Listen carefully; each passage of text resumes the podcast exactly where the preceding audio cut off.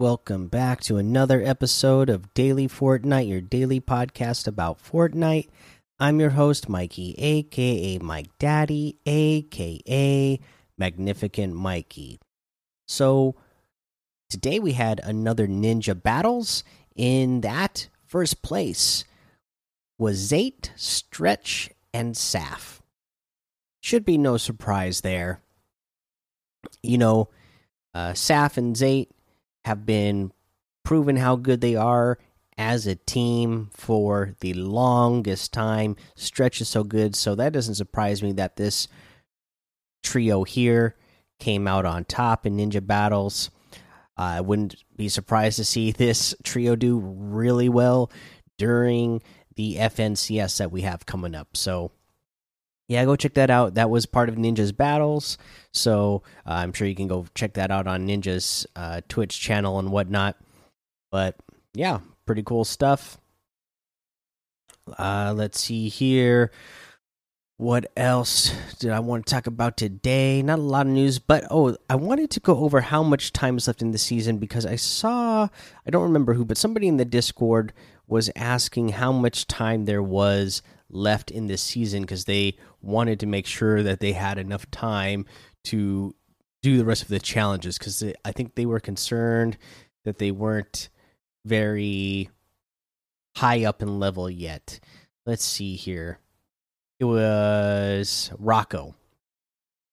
So there is actually a lot of time left in this season. So if you if you go to the go to the battle pass screen and then click on the battle pass, if you go down, if you look down in the lower left corner, it tells you when the season how long the season is lasting.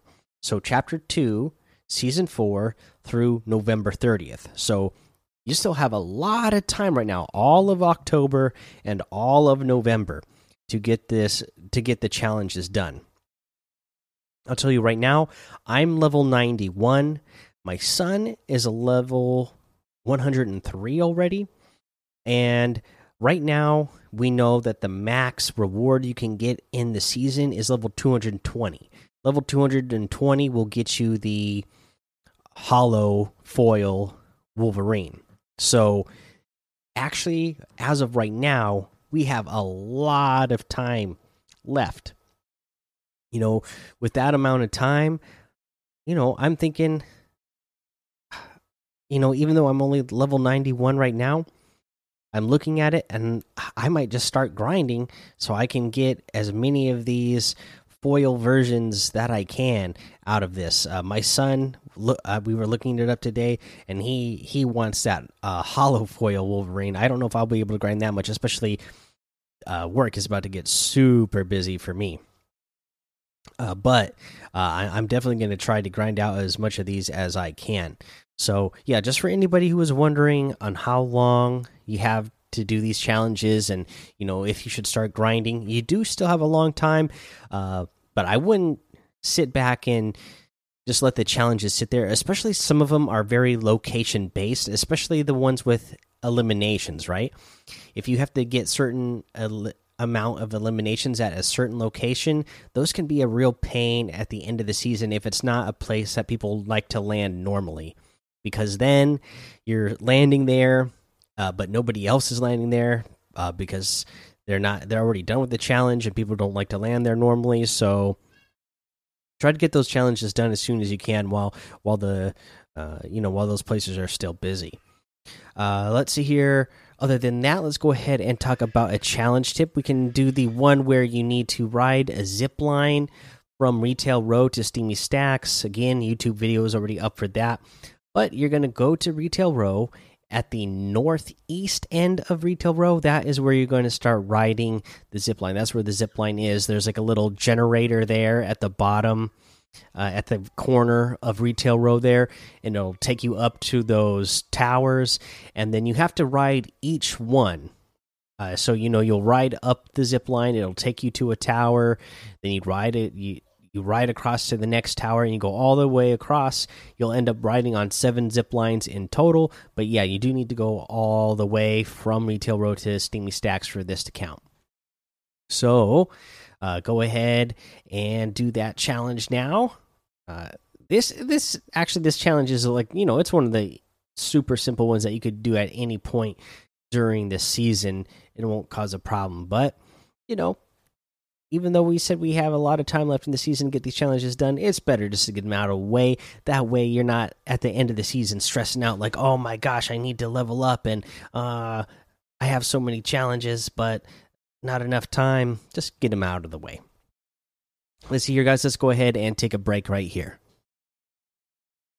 All right, let's go over today's item shop and you know all the items, the Halloween themed items that we've talked about over the last couple of days are all in the special offers uh, section of the item shop still. So we're not going to go over every single one, but they are still there. We got some more Halloween themed items in here again today. We got the Jawbreaker outfit with the containment unit backbling for 1200.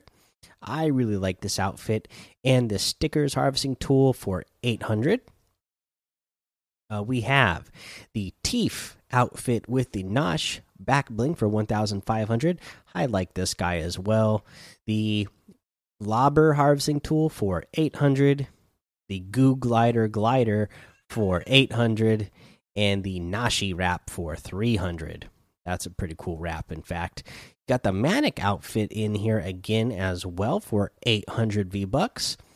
We have the Bunny Wolf outfit with the Heart Grid back bling for 1,500. The Lion outfit with the Diamond Grid back bling for 1,500. We got the uh, Neonimal wrap for 500. We have the Payback outfit with the Spiked Shell back bling for 1,200.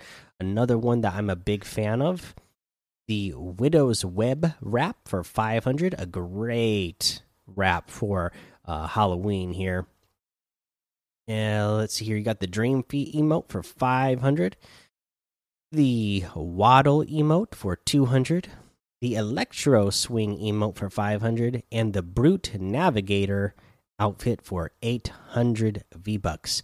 You can get any and all of these items using code Mike Daddy M M M I K E D A D D Y in the item shop, and some of the proceeds will go to help support the show. Now, for our tip of the day, it is to get better however it is that you can get better. All right, don't let uh, others discourage you. Right, so what made me want to talk about this is uh, Marzz OW you know, recently Fortnite uh, put out a leaderboard showing that last season Marzz had over a hundred thousand hype points, and uh, he's currently just rocking it in in arena again this season, right? And then they put out a tweet even yeah, saying, you know, only those who can. Only those who have over 100,000 points in arena can reply to this tweet. And of course, the only one being able to do that at the time was Marzz.